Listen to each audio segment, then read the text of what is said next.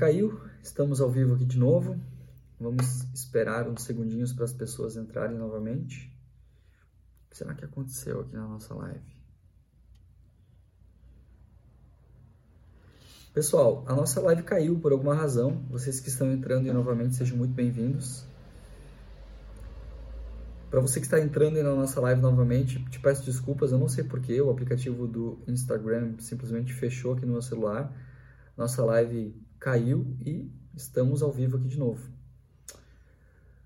Jonathan, seja muito bem-vindo. Karen Cristina, seja muito bem-vinda. Camille, Patrícia. Pessoal, sejam todos muito bem-vindos. Vou dar só uns segundinhos só para as pessoas entrarem aqui na live de novo e eu já continuo com o conteúdo, tá? A nossa live caiu aqui por alguma razão e eu tô só esperando vocês entrarem novamente aí. Vou pedir uma gentileza para você que está na nossa live, clique no coraçãozinho é, e manda essa live para várias pessoas que você possa compartilhar essa live nesse momento, para elas saberem que nós estamos ao vivo aqui novamente. Vamos lá.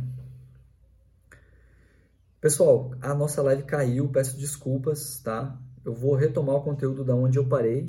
Para você que está nos assistindo, enquanto eu retomo aqui o conteúdo, desce o dedo nesse coraçãozinho para o algoritmo do Instagram entender que essa live é relevante para ele distribuir esse conteúdo e clica no aviãozinho de novo e manda para aquelas pessoas que estavam conectadas com a gente para que elas voltem para a nossa live. Vou voltar exatamente de onde eu estava, tá? Para você que estava aí assistindo, a gente poder continuar e dar sequência. Bom, vamos lá. É, eu falei para vocês que nós temos várias áreas da nossa vida. E eu estava falando agora que a gente pode dar uma nota que equivale a um grau de satisfação daquilo que nós estamos vivendo nas nossas vidas hoje. E eu estava usando o exemplo da área da espiritualidade. Então, por exemplo, assim, ó, vamos supor que você sinta que a sua espiritualidade está tudo bem e que você está extremamente satisfeito com ela. Você pode ir ali e dar uma nota do ladinho de espiritualidade. Escreve no papel aí, né? Espiritualidade. Ao lado dela, você pode dar uma nota, que é um grau de satisfação seu em relação a essa sua área da sua vida. Vamos supor que você esteja bem nessa área e seu grau de satisfação seja 8, 9, 10. Você vai ali e coloca um número que equivale ao seu grau de satisfação em relação a essa sua área da sua vida. Como é que eu sei a nota do meu grau de satisfação em relação a essa área da minha vida? Quando eu falo a palavra que equivale à área da sua vida, vai vir um número à sua cabeça. O primeiro número que vier à sua cabeça, antes de você julgar, é o correto. O correto para você. Então, quando eu falei, por exemplo, espiritualidade, o primeiro número que apareceu aí na sua vida é o correto. Anota aí do lado e a gente vai para a próxima área da sua vida. A gente vai percorrer cada uma delas e você vai poder olhar para esse mapa, que algumas pessoas chamam de roda da vida, outros chamam de mapa sistêmico da vida, enfim. É, o nome realmente não importa, o que importa é você olhar para como está a sua vida hoje. Caleb, seja muito bem-vindo aí também à nossa live. Muito bom tê-lo aqui conosco. A próxima área é saúde e disposição. Quando você olha para sua saúde e para sua disposição, que nota que vem à sua cabeça? Ou seja, o quão satisfeito você está hoje com a sua saúde e com a sua disposição. Você levanta cansado? Tem energia sobrando durante o dia? Está faltando energia? Como é que está isso? Dá uma notinha aí do lado para sua saúde e disposição.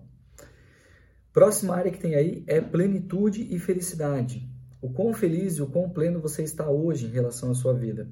Você está feliz? Se sente pleno, conectado com aquilo que você realmente gostaria de estar vivendo ou não? a sua satisfação em relação a isso, como é que está? Vai lá, preenche isso aí e a gente vai para a próxima. Se eu estiver muito rápido aqui, pode colocar nos comentários para ir mais devagar, que eu desacelero um pouquinho. A próxima área da sua vida é desenvolvimento intelectual. E de novo, é o seu grau interno, o seu nível de satisfação interno, ou seja, é como você se sente em relação a essa sua área da sua vida. Se sente bem em relação ao seu desenvolvimento intelectual? Coloca uma nota aí do ladinho também. De 0 a 10, o primeiro número que vier na sua cabeça. Próxima área, equilíbrio emocional. Como é que está a sua saúde emocional hoje? Você se sente equilibrado? Você se sente desequilibrado? Está mais perto do zero? Está mais perto do 10? Como é que está essa sua área da sua vida hoje? dá uma notinha aí do lado também para essa sua área do seu equilíbrio emocional. Para quem está entrando na live agora, pega papel e caneta, começa a anotar as palavrinhas que eu estou falando e dá uma nota do lado dessa palavrinha em relação ao seu grau de satisfação da sua vida. Estou aplicando aqui em tempo real uma ferramenta de coaching de forma gratuita para quem está aqui na live. E mesmo que você tenha entrado agora, pega papel e caneta e começa a anotar, porque vai fazer sentido para você ao longo da live o conteúdo que eu vou trazer aqui. Dani, seja bem-vinda, Aline, Vanessa, a Teca, sejam todas muito bem-vindas aí na nossa live de hoje. A próxima área é realização e propósito. Você se sente vivendo o seu propósito de vida hoje? Você se sente realmente realizando o seu propósito de vida? De 0 a 10, o quanto que tu sente que você está conectado com a sua realização e propósito na sua vida? De novo, o primeiro número que vier à sua cabeça é o correto para você, ok? Próxima área é recursos financeiros. De 0 a 10, que qualidade que você tem hoje de recursos financeiros na sua vida? Próxima área, contribuição social. O que é contribuição social? Contribuição social é tudo aquilo que você faz para o outro, é, é tudo aquilo que você faz de ti pelo outro sem pensar em si. Ou seja, é tudo aquilo que você faz para contribuir com que a sua sociedade seja melhor, com que a sua comunidade seja melhor. É tudo aquilo que você faz para contribuir com que o seu meio seja melhor, simplesmente pelo fato de que você está ali inserido naquele meio. Vou te dar um exemplo é você contribuir com seus vizinhos para que vocês montem um canteiro de flores na sua rua. Ou seja, vocês contribuíram para que algo na sociedade fosse melhor é, com o resultado do trabalho que você pôde aplicar com as suas próprias mãos. Então, isso é contribuição social. É quando você contribui com a sua sociedade, com, com o outro, com todos os outros que fazem parte do seu meio, para que aquele meio onde você está inserido seja melhor. Família é o próximo tópico, é a próxima área da sua vida. De 0 a 10, como está a sua família hoje? Como está o seu sentimento interno em relação à sua família? De 0 a 10, qual é o grau de satisfação em relação àquilo que você está vivendo com a sua família hoje, nesse exato momento da sua vida? O próximo é relacionamento amoroso. De 0 a 10, como está a sua relação hoje? De 0 a 10, como está o seu relacionamento amoroso nesse momento da sua vida? E as últimas duas áreas que faltam é vida social. Então, vida social é diferente de contribuição social. Contribuição social é aquilo que você contribui com a sociedade. Vida social é a sua relação é, de amizades, o quanto você sai, como você se relaciona, se você está satisfeito com a sua vida social ou não. Você tem muitos amigos? Tem poucos amigos? Você consegue sair com seus amigos? Você se diverte com eles? Os amigos que você tem são legais? E por aí vai. São essas perguntas que você pode se fazer. De 0 a 10, qual é o seu grau de satisfação em relação à sua vida social hoje? E o último é criatividade, hobbies e lazer. É, o quão satisfeito você está hoje com aquilo que você tem de hobbies, de lazer, de prazeres na sua vida. Feito tudo isso, você deu uma nota para cada uma dessas áreas. Então, nós temos uma, duas, três, quatro, cinco, seis, sete, oito, nove, dez, onze, doze áreas. Você pode fazer duas coisas aqui. Na verdade, você pode fazer várias coisas, mas a primeira coisa que eu quero que você faça é o seguinte: soma todas as notas e divide por 12, porque nós temos 12 áreas. E você vai ter uma média, um número. Esse número é a nota do quão satisfeito você está com a sua vida hoje. E pode ser que esse número seja alto, seja bom, pode ser que esse número não seja.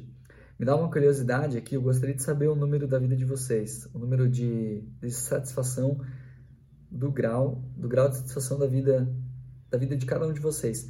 Quem fez a conta, quem respondeu aí do ladinho de cada uma das palavras, que fez a média, que dividiu por 12, Coloca nos comentários aí só a média. Ah, deu 7, deu 8, deu 6, deu 5. Sem ter vergonha, tá? Porque é bem comum dar números bem baixos aqui. Quem está me assistindo desde o comecinho, que fez aqui, que seguiu esse raciocínio, coloca aqui nos comentários para mim, por gentileza, a média do grau de satisfação da vida de cada um de vocês que eu quero saber. Faz a conta aí, né? É, soma todas as notas de cada uma das 12 áreas, vai dar um número, aí você divide esse número por 12, que é o número de áreas. A gente vai ter uma média. Coloca nos comentários aí para nós a média que você teve, que eu quero saber.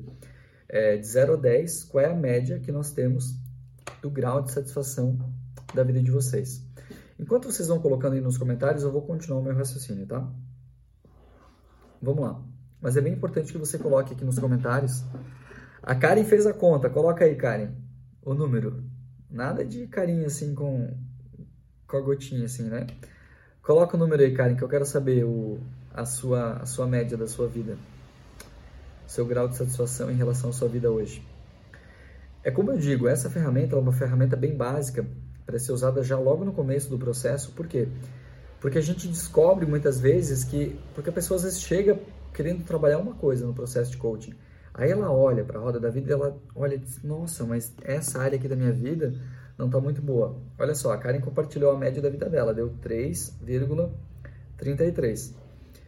É uma média baixa. É bem provável que a Karen deseje um nível de satisfação mais alto para a vida dela é bem provável que ela deseje um nível de excelência em relação à sua vida muito mais alto daquilo que ela esteja vivendo nesse exato momento na vida dela. Aí a pergunta chave para Karen é o seguinte: porque ela tem 12 áreas.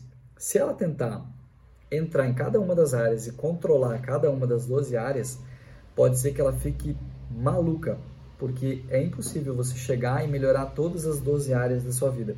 Mas tem uma pergunta que eu quero que você preste muita atenção aqui agora, porque ela pode te ajudar muito em resolver vários aspectos da sua vida nesse exato momento.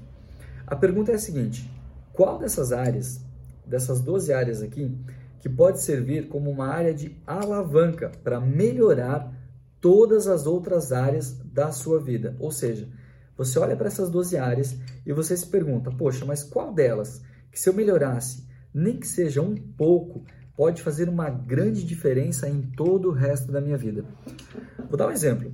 É, vamos supor que eu consiga melhorar é, a minha realização e propósito. Pode ser que eu, que eu melhorando essa área de realização e propósito, eu consiga melhorar todas as outras. Ó, a Dani trouxe a média dela também, 6,14. Tenho certeza também que a Dani deseja talvez melhorar ainda mais essa área da vida dela. Para vocês duas, tá, que colocaram a média de vocês aqui na live, eu vou fazer outra pergunta para vocês. Qual é a área de alavanca da vida de vocês? Para que vocês possam melhorar ainda mais todo o restante da vida de vocês. Para Karen, que colocou 3,33, qual é a área de alavanca para melhorar todas as outras? E para Dani, que colocou 6,14, qual é a área de alavanca para melhorar a, a sua vida, né? Aí você pode estar se perguntando, tá, mas a área de alavanca é essa, pá, exatamente essa aqui. Na verdade, depende de pessoa para pessoa. Enquanto que para uma pessoa a área de alavanca pode ser uma, para outra pessoa a área de alavanca pode ser outra. Então é importante que você olhe para a sua realidade e responda. Já está melhorando contribuição social e equilíbrio emocional. Você trouxe duas, né, Karen? É bem provável que tenha uma delas que influencie ainda mais sobre as outras. É muito provável que tenha uma única área de alavanca. É bem provável não, tá? Existe apenas uma área de alavanca que vai influenciar positivamente em todas as outras. É ela que vai dar o start no motor e vai fazer com que todas as outras comecem a melhorar ainda mais. Então dá uma olhadinha aí, tá? Se é equilíbrio emocional ou se é contribuição social. Você pode se fazer a seguinte pergunta: se eu tiver mais equilíbrio emocional, eu vou conseguir contribuir mais? com a sociedade, ou se você contribuir mais com a sociedade, você vai conseguir ter mais equilíbrio emocional, a pergunta que fizer mais sentido para você vai revelar qual é a sua área de alavanca. Boa noite, Dona Maria, seja muito bem-vinda. Tá dando boa noite aqui para nós nos comentários. Dito tudo isso, você tem uma média de grau de satisfação em relação à sua vida. Sabendo qual é a área de alavanca que a gente acabou de perguntar aqui agora para você, ou seja, você identificou agora, né? Bom, é, meu nível de satisfação em relação à minha vida atual é tanto. Ah, umas pessoas deu 3,3, outra deu 6,14, outras pessoas pode ter dado 8, pode ter dado 9, pode ter dado 0, 5, sei lá, pode ter dado qualquer número. Você identificou a sua área de alavanca, ou seja, qual é a área que se eu der um pouco mais de atenção hoje na minha vida, pode, faz, pode é, fazer com que toda a minha vida comece a melhorar. A próxima pergunta que você pode se fazer é o seguinte: É a Rafa. Oi, Rafa. Caraca. Rafa, seja muito bem-vinda. Fica com, fica com a gente aí na, na live aí, Rafa. Pô, que legal que você tá aí. Muito legal. Seja muito bem-vinda, Rafa.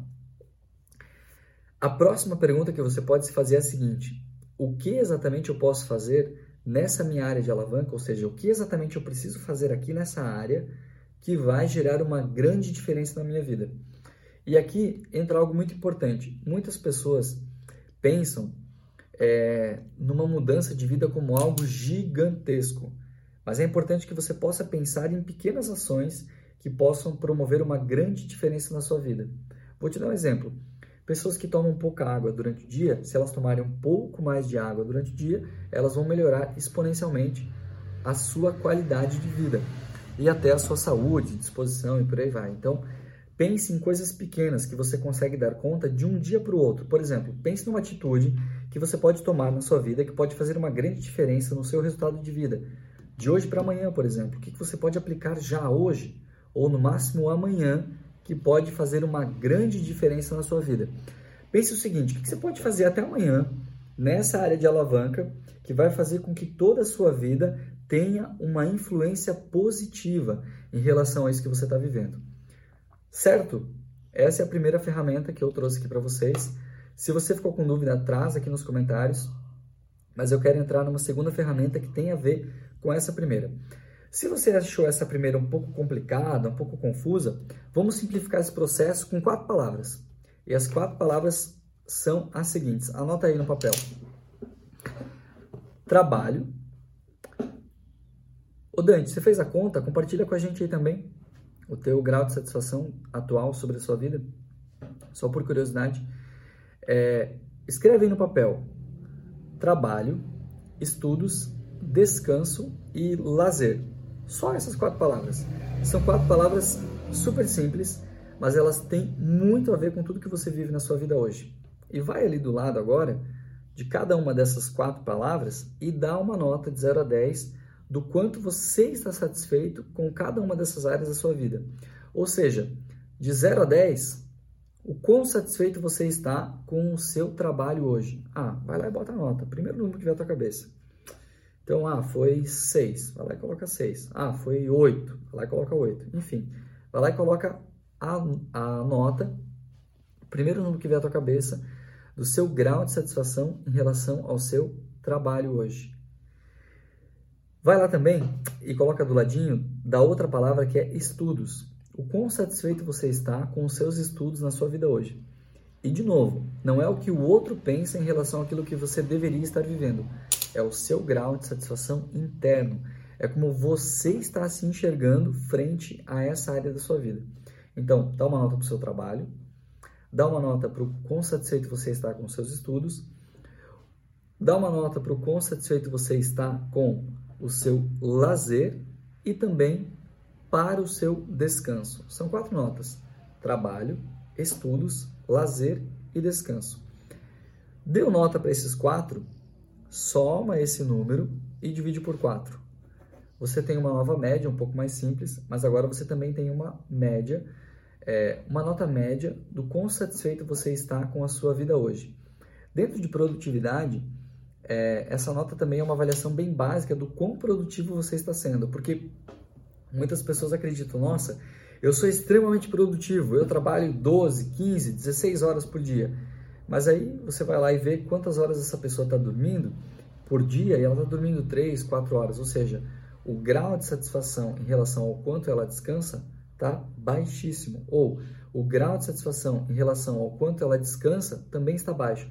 Aí de que adianta? Ela está produzindo um monte, trabalhando várias e várias horas e não está conseguindo descansar, ou não está tendo tempo para o lazer, ou não está tendo tempo, enfim, sabe? É, não é produtividade. É uma mentira que essa pessoa está contando para ela mesma. Ela está trabalhando várias horas, mas não significa que ela está sendo produtiva. Isso é, diante de conceitos de produtividade, tá? É, Porque trabalhar muito não significa que você está sendo produtivo. Produtivo significa você estar conseguindo equilibrar essas quatro áreas da sua vida: trabalho, descanso, lazer e estudos. E aí, o grau de satisfação que você tem em relação a essas quatro áreas. Ó, oh, o Jonathan fez a conta. Pô, tá boa essa média aí, né, Jonathan? 766. Mas dá para melhorar, né? Sempre dá. A Karen 5.25. Pô, legal. Gente, é fácil fazer essa conta, né? Somos 4, divide por 4, vai chegar num valor médio. E aí eu te pergunto, você está satisfeito com esse número que você viu aí hoje ou não? Se você não está satisfeito, o que, que você pode fazer de diferente na sua vida para melhorar essa sua média? Seja dessa segunda avaliação que a gente fez sobre a sua produtividade, ou seja sobre aquela análise um pouco mais completa sobre toda a sua vida, sobre cada uma das áreas da sua vida. Inclusive, outra coisa que você pode fazer é se perguntar se tem alguma área que talvez eu não tenha falado sobre a sua vida, você pode ir ali e dar uma nota para essa uma dessas áreas ou se tem alguma dessas áreas que, por exemplo, eu falei para você não faz sentido, você pode ali remover ela da conta e dar uma nota só para as outras que fazem sentido para você. Dito tudo isso, essa foi a primeira parte da nossa live, onde eu trouxe para vocês a ferramenta da roda da vida e essa ferramenta da parte aí de produtividade. Ó, Jonathan respondeu aí que não está satisfeito e que dá para melhorar. O Jonathan é um cara muito exigente com ele mesmo também, tem essa característica, né? Bom, primeira coisa que eu quero falar para vocês, que tem muito a ver com o tema aqui da nossa live. Porque o tema da live é como se sentir seguro, como se sentir mais seguro para ter controle sobre toda a sua vida. Primeira coisa que eu quero te falar, esse título da live era para chamar a tua atenção. Não tem como ter controle sobre tudo que acontece sobre a sua vida. E prova disso são as infinitas coisas que acontecem nas nossas vidas que nós não temos controle. Vou falar para vocês uma coisa. Antes dessa live, eu tinha programado dois atendimentos. Um às seis e meia da tarde e um às sete e meia, um às seis e meia da noite e um às sete e meia da noite. E cara, minha agenda tá uma loucura, um horário contadinho em cima do outro. Se uma pessoa desmarca, tem que jogar para lá e jogar para cá. Meu, eu fico assim horas para reestabelecer minha agenda e conseguir atender todo mundo. E essas duas pessoas, o cliente das seis e meia pediu para remarcar, que não ia chegar a tempo, e a cliente das sete e meia também pediu para remarcar. Cara, moral da história, tava tudo na agenda, tava tudo sob controle, parecia estar tudo sob controle, quando de repente, em poucos segundos, em poucos minutos, os dois ao mesmo tempo vêm e trazem as mensagens. E aí eu perdi o controle daquela situação. Não pude atendê-los naquele momento. Os dois horários já estão reagendados, um para essa semana, um para a semana que vem. Ok, resolvido. Moral da história: o que, que teve de bom que aconteceu ali, que apesar de não estar no meu controle, me beneficiou? Porque eu tenho dois caminhos aqui, né? Eu poderia ficar maluco com aquilo, tipo assim, fugiu do meu controle, ou eu poderia olhar para aquilo que está acontecendo com um outro olhar. Tá, mas o que, que tem por trás disso? O que, que teve de bom naquele momento? E eu vou te falar aconteceram duas coisas muito boas em detrimento do cancelamento desses dois é, atendimentos. Eu pude fazer duas coisas que é, eu tinha muita vontade de fazer. Uma delas, eu não vou falar quais foram as coisas, mas aconteceu duas coisas muito boas que eu pude fazer e que se tivesse os atendimentos eu não poderia fazer. Talvez eu conseguiria fazer apenas no final de semana, que eu teria um tempo livre para fazer essas duas coisas, ou talvez no decorrer da semana, mais para o final da semana. E eram coisas que eu estava com vontade de fazer.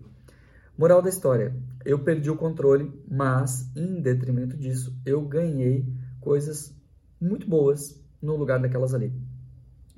Tem coisas que nós desejamos ardentemente ter controle sobre as nossas vidas, sobre é, na verdade, a gente deseja ter controle sobre tudo, né? A gente quer controlar como vai ser o nosso trabalho, como vão ser os nossos relacionamentos, a gente quer controlar tudo que acontece sobre o nosso dinheiro, a gente quer controlar tudo, tudo, tudo, tudo, cada detalhe do que acontece sobre as nossas vidas. Mas o fato é que uma boa parte nós temos controle. Uma boa parte nós temos realmente o poder de escolher aquilo que nós vamos viver nas nossas vidas ou não. Mas uma grande parte nós não temos esse controle. E eu separei algumas histórias para contar aqui para vocês, para explicar que nós realmente não temos controle. E por que explicar que nós não temos controle sobre as nossas vidas? É, sobre grande parte do que acontece nas nossas vidas. Porque quando a gente saca que aquilo que eu não tenho controle, controlado está, aquilo que eu não tenho controle, de uma forma muito, muito natural, já está providenciado por uma inteligência muito maior, isso faz com que eu consiga ter um resultado melhor na minha vida e faz também com que eu consiga me sentir muito melhor comigo mesmo e com os outros. Porque esse lance aí de a gente querer ter controle sobre tudo é bem complexo, é bem complicado, porque a gente quer controlar coisas que a gente sabe que não tem controle, mas parece que a gente esquece disso e a gente continua insistindo em querer ter o controle sobre aquilo. Mas para você entender isso que eu quero te trazer, eu vou trazer algumas histórias aqui. E a primeira história é uma história que talvez seja uma história. Eu vou trazer histórias boas, mas eu vou, vou trazer histórias tristes aqui também, tá? Mas, muito embora essas histórias sejam tristes, tem é, algo maior por trás. E eu quero que você abra os seus olhos para ver aquilo que tem de maior de grandioso por trás dessas histórias.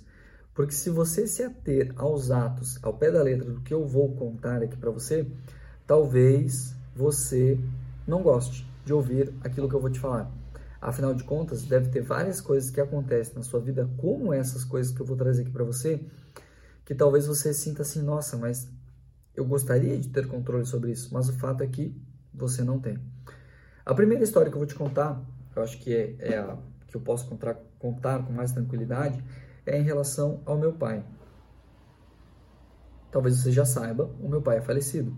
Faz seis anos que ele faleceu. E se você me perguntar hoje se eu gostaria de ter tido ou se eu gostaria de ter vivido algo diferente em relação a isso, eu vou falar para você várias coisas. Eu gostaria que ele não tivesse tido câncer. Eu gostaria que ele estivesse vivo. Eu gostaria de ter aproveitado mais tempo com ele. Eu gostaria de ter jogado mais futebol com ele. Eu gostaria de ter visto, visto mais jogos de futebol. Eu gostaria de ter viajado mais com ele. Eu gostaria de ter brigado mais com ele. Eu gostaria de ter discutido. Eu gostaria de ter vivido mais tempo com ele. Mas o fato é que eu não tenho controle sobre isso.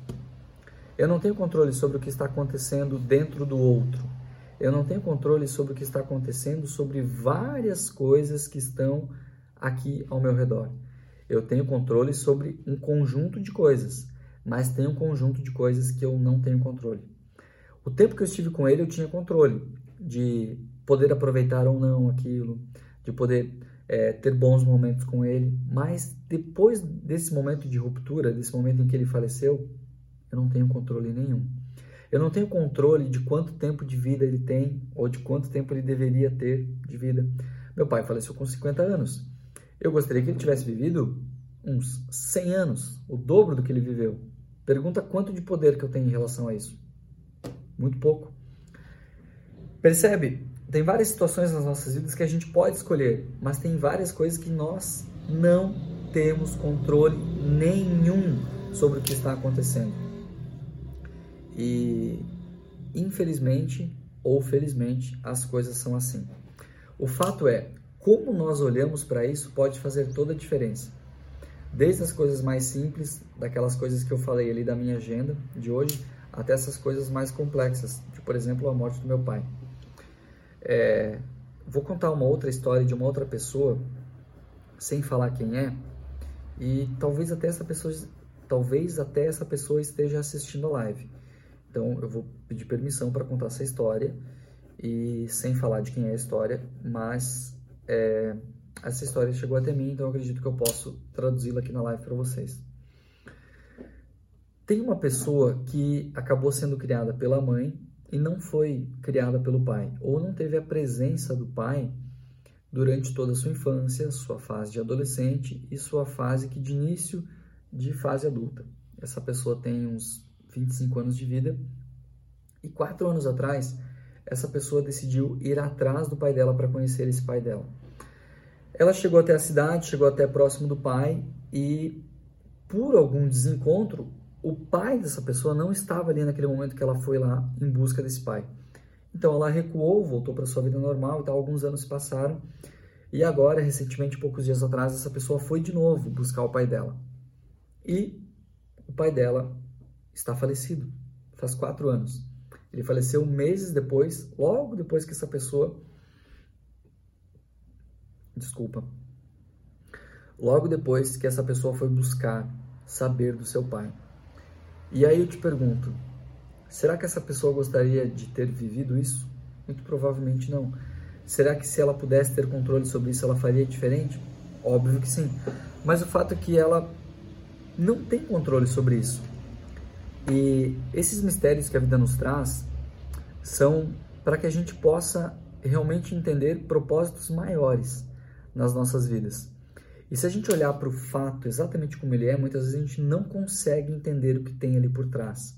Mas se eu lanço um outro olhar sobre isso e eu me pergunto verdadeiramente os porquês do que daquilo ter acontecido daquela, daquele jeito, daquela forma, eu muito provavelmente vou encontrar respostas bem valiosas em relação à minha vida e em relação à vida das pessoas que estão envolvidas nesse contexto que, que estão ali. E acontece que tudo acontece por uma razão e um fim, e isso me serve. Se eu lanço esse pressuposto positivo em relação a qualquer situação que acontece, por exemplo, assim, ó, é, gostaria que meu pai estivesse vivo até hoje, mas ele não está. Bom, tudo acontece por uma razão e um fim, e isso me serve. Tudo acontece por uma razão e um fim. Eu não tenho domínio sobre tudo que acontece na minha vida, mas se eu usar tudo que acontece a meu favor, pode ser que o meu resultado seja melhor. Que resultado? De, de, de que, que o Daniel está falando? Resultado, muitas vezes, até emocional. Porque, afinal de contas, a nossa vida segue, a gente precisa continuar dando conta das nossas responsabilidades, a gente precisa continuar vivendo e entregando aquilo que a gente se propôs a entregar, como propósito, como, é, como vida e por aí vai. E nesse sentido, o soltar é controlar a situação. Eu lembro até hoje que no dia em que meu pai faleceu, nós estávamos reunidos na casa do meu tio Edson, que é irmão do meu pai, e nós estávamos rezando. E nós fizemos uma oração, é, uma oração para o Espírito Santo, que dentro da cultura católica é uma oração que existe e tal, e a gente estava fazendo essa oração nesse momento. Quando nós terminamos a oração, nós recebemos uma ligação. Eu não me lembro quem que estava no hospital, acho que era minha mãe, e ela que ligou para o meu tio Edson, alguma coisa assim, acho que foi isso. E aquela ligação era para informar que meu pai tinha falecido. Nesse exato momento que nós terminamos a oração, veio essa ligação. Ou seja, nós estávamos rezando para quê? Para quem? Nós, dentro da nossa cultura católica, estávamos rezando para o Espírito Santo, para Deus. E teve uma intercessão de alguma coisa maior que fez nós perdermos o controle daquilo que nós gostaríamos que fosse o correto de acontecer ali naquele momento. Nós gostaríamos que ele se mantivesse vivo, mas não foi o que aconteceu. O que aconteceu ali naquele momento? Nós perdemos o controle e aconteceu aquilo que tinha para acontecer. No momento exato que aconteceu aquilo que tinha para acontecer, que era o falecimento dele. Se eu gostei, óbvio que não. Inclusive, naquele exato momento que aconteceu aquela ligação, eu tive que correr para o banheiro porque o meu sistema nervoso ele perdeu todo o controle, ou na verdade, o meu sistema inconsciente estava talvez tomando conta da situação, do que estava ali acontecendo. Porque muito do que acontece na nossa vida é consciente, mas muito do que acontece na nossa vida é inconsciente. E nesse exato momento ali eu tive que correr para o banheiro e tal, eu, eu tava, tive diarreia ali naquele momento, e foi no exato momento que nós recebemos a ligação. Quando eu saí do banheiro, eu soube que aquela ligação significava o fato de que meu pai tinha, é, tinha vindo a falecer naquele exato momento.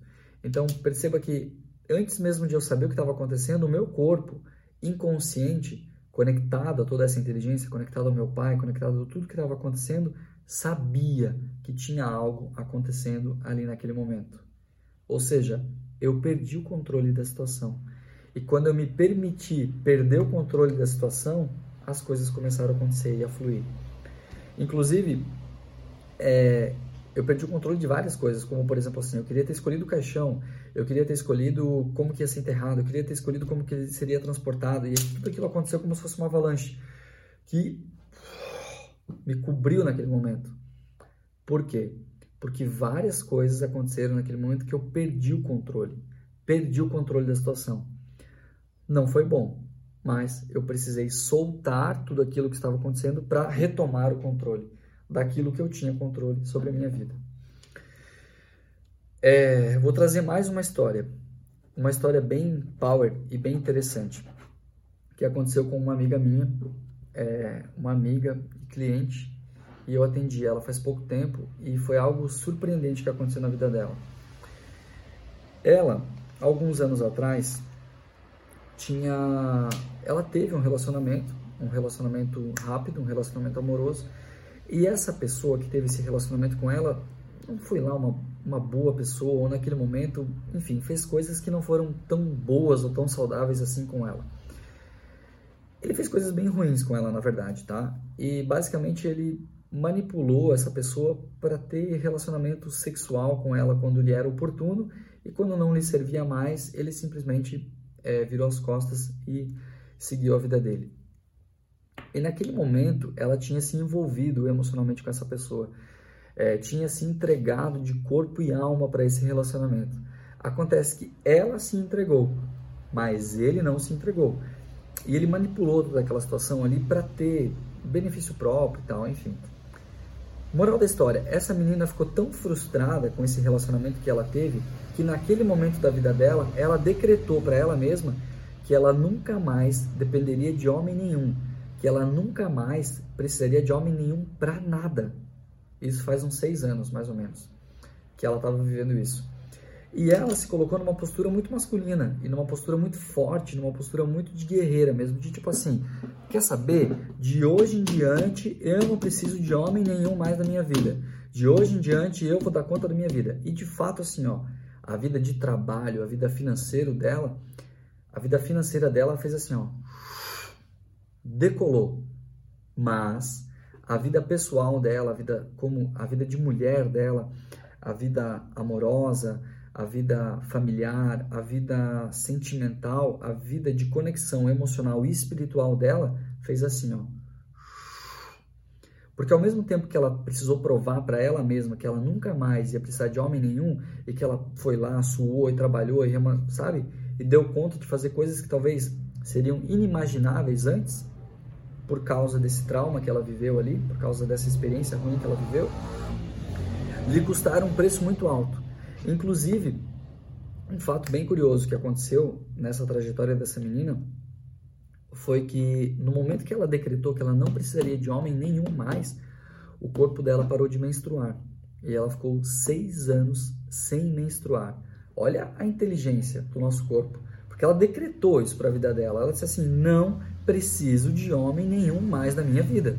E durante seis anos, ela não menstruou mais. Chegou um momento que ela percebeu que ela estava se matando ela mesma, de tanto que ela estava sendo guerreira da sua própria vida, de tanto que ela estava provando para ela mesma que ela, que ela era capaz, de tanto que ela estava lutando, sabe, para ter aquele resultado na vida dela. E aí ela disse assim: não, não é isso que eu quero. Eu quero ter um homem na minha vida, mas eu quero ter um homem que me cuide.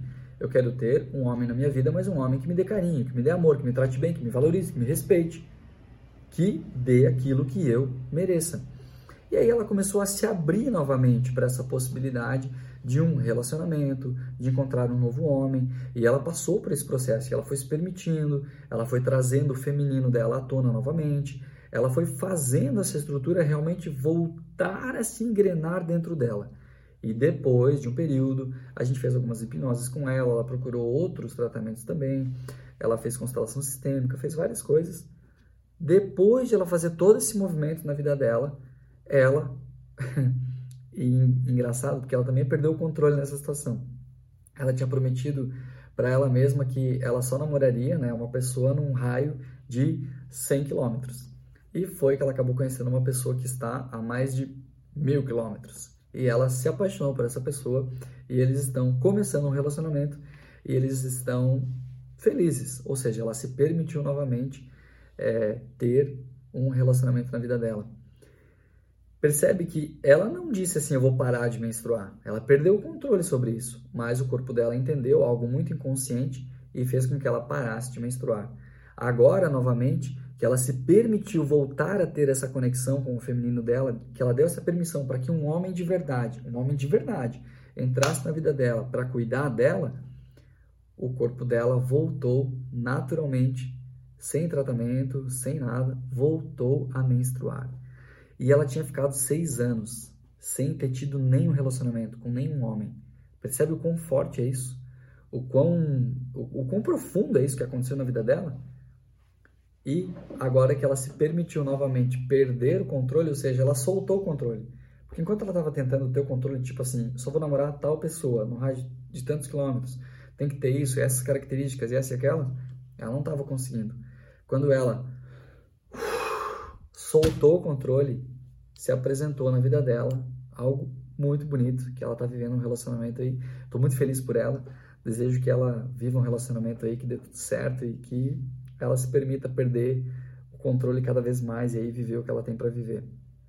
Pode ser até que ela vá embora para outra cidade para poder viver esse relacionamento. Pode ser que ela tenha que perder o controle sobre várias coisas que ela tinha sobre o domínio dela para que aquilo que ela realmente precisa viver na vida dela se manifeste. E aí eu pergunto para você, o que, que, tem por trás desse soltar? O que, que tem por trás desse perder o controle? Se não algo muito maior do que nós, senão algo muito mais grandioso e muito mais inteligente, uma sabedoria gigantesca. Para mim, isso é Deus, tá? Agindo sobre as nossas vidas.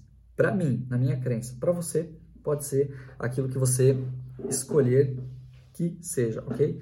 Pode ser o universo, pode ser o que for. Mas o fato é, a segurança é um estado natural do ser humano. Sempre que você está inseguro, sempre que você está lutando, fazendo força para viver uma condição boa na sua vida, tem alguma coisa errada. Porque o estado do ser humano, que realmente é o verdadeiro, é um estado natural de segurança. Quando você está inseguro, quando você está ansioso, quando você está vivendo alguma coisa que está dentro de ti que não está legal, Tu não está conectado com você mesmo, você não está conectado com o momento presente, você não está conectado com aquilo que realmente é importante na sua vida e você está conectado com alguma coisa que está te levando para uma dor. Se tem alguma coisa que está te gerando algum incômodo na sua vida, que você está tentando controlar e não está conseguindo, se permita experimentar soltar, porque talvez esteja aí o grande segredo daquilo que você realmente precisa para fazer com que você tenha o resultado que você realmente deseja na sua vida. Pamela, seja muito bem-vinda à nossa live. Muito bom tê-la por aqui conosco também. Deixa eu ver o que mais que eu anotei aqui na nossa live para trazer para vocês. Dito tudo isso, como diria um grande amigo meu, que eu quero me encontrar com ele em breve, é, se permita perder o controle Perder o controle significa você permitir que algo maior haja sobre a sua vida. E eu tenho até uma expressão para falar sobre isso que talvez vai fazer sentido para você e talvez não vai, mas para mim, perder o controle sobre as nossas vidas e permitir que através de algo maior nós voltemos a ter o controle significa muitas vezes nós deitarmos no colo deitarmos no colo de Deus. Porque muitas vezes a gente busca no outro a solução, mas a, a solução para aquilo que nós estamos vivendo nas nossas vidas está, está dentro de nós mesmos. E muitas vezes, para que essa solução chegue até nós, nós precisamos parar de lutar, parar de brigar, parar de correr atrás da solução e nós precisamos soltar. Quando a gente solta, quando a gente se desapega, hoje fala muito disso quando nós verdadeiramente conseguimos nos desapegar daquilo que, que tanto está nos incomodando, quando nós soltamos aquilo, nós deitamos no colo de Deus.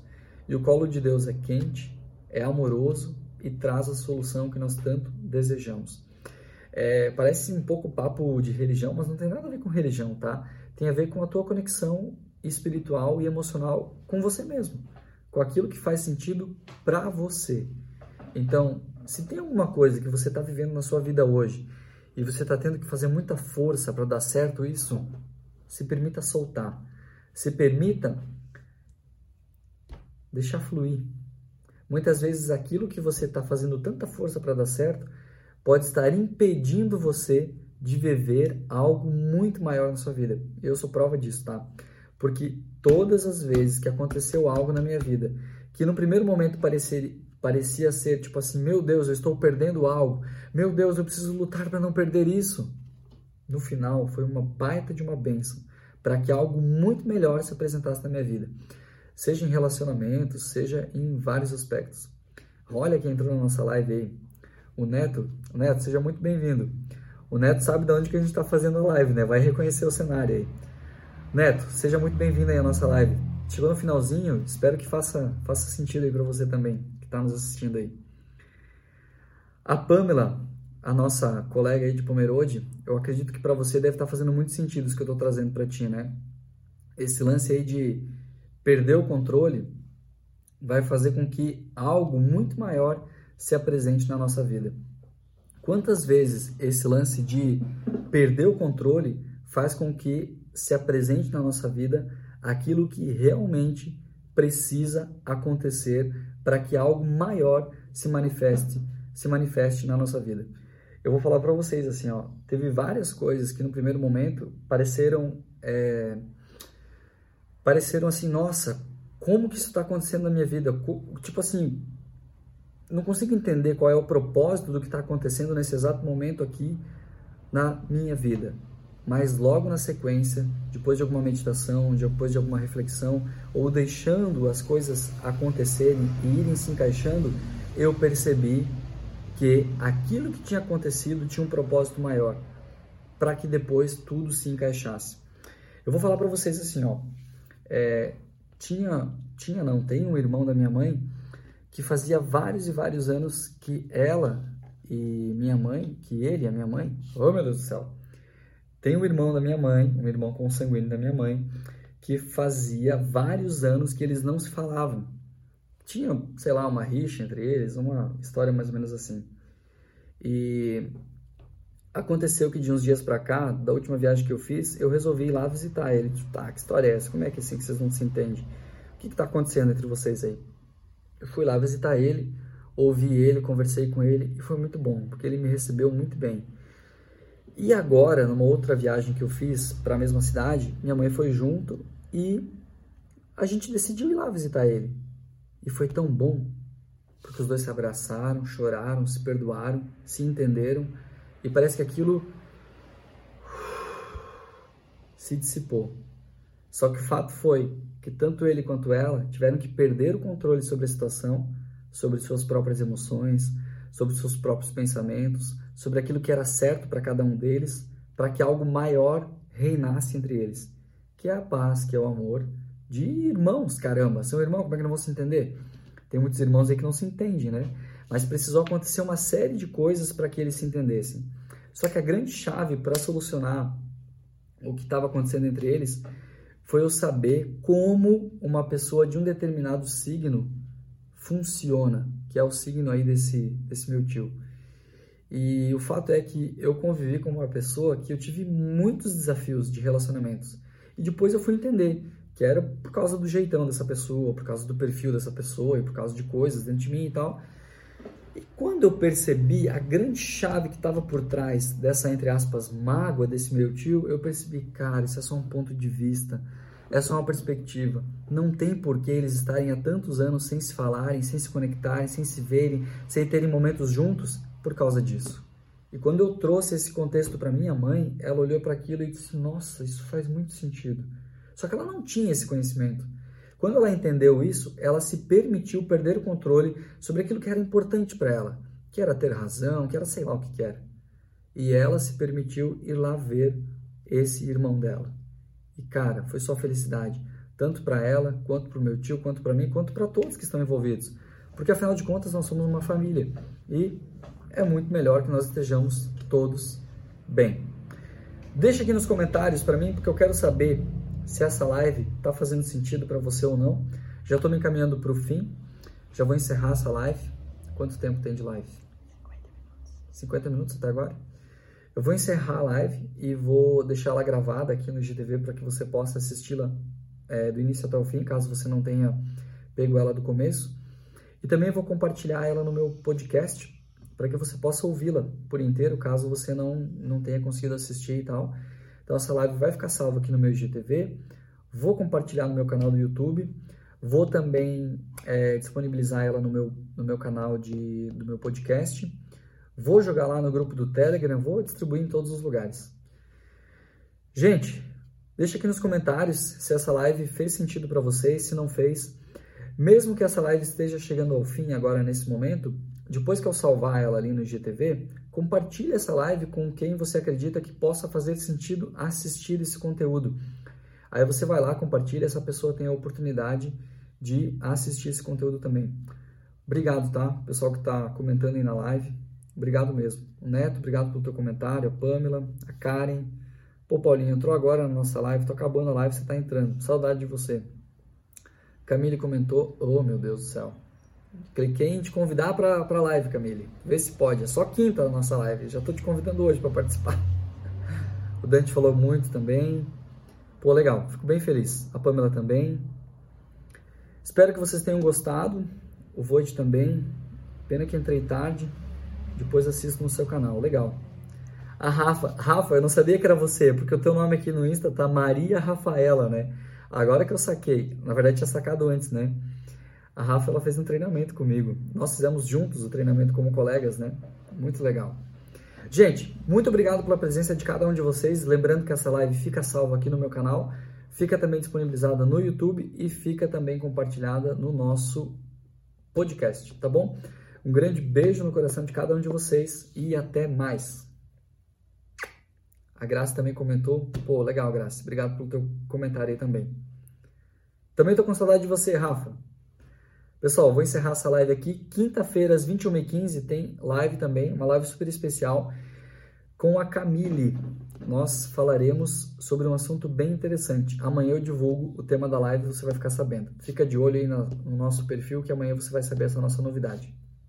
Beijão para vocês e até quinta-feira.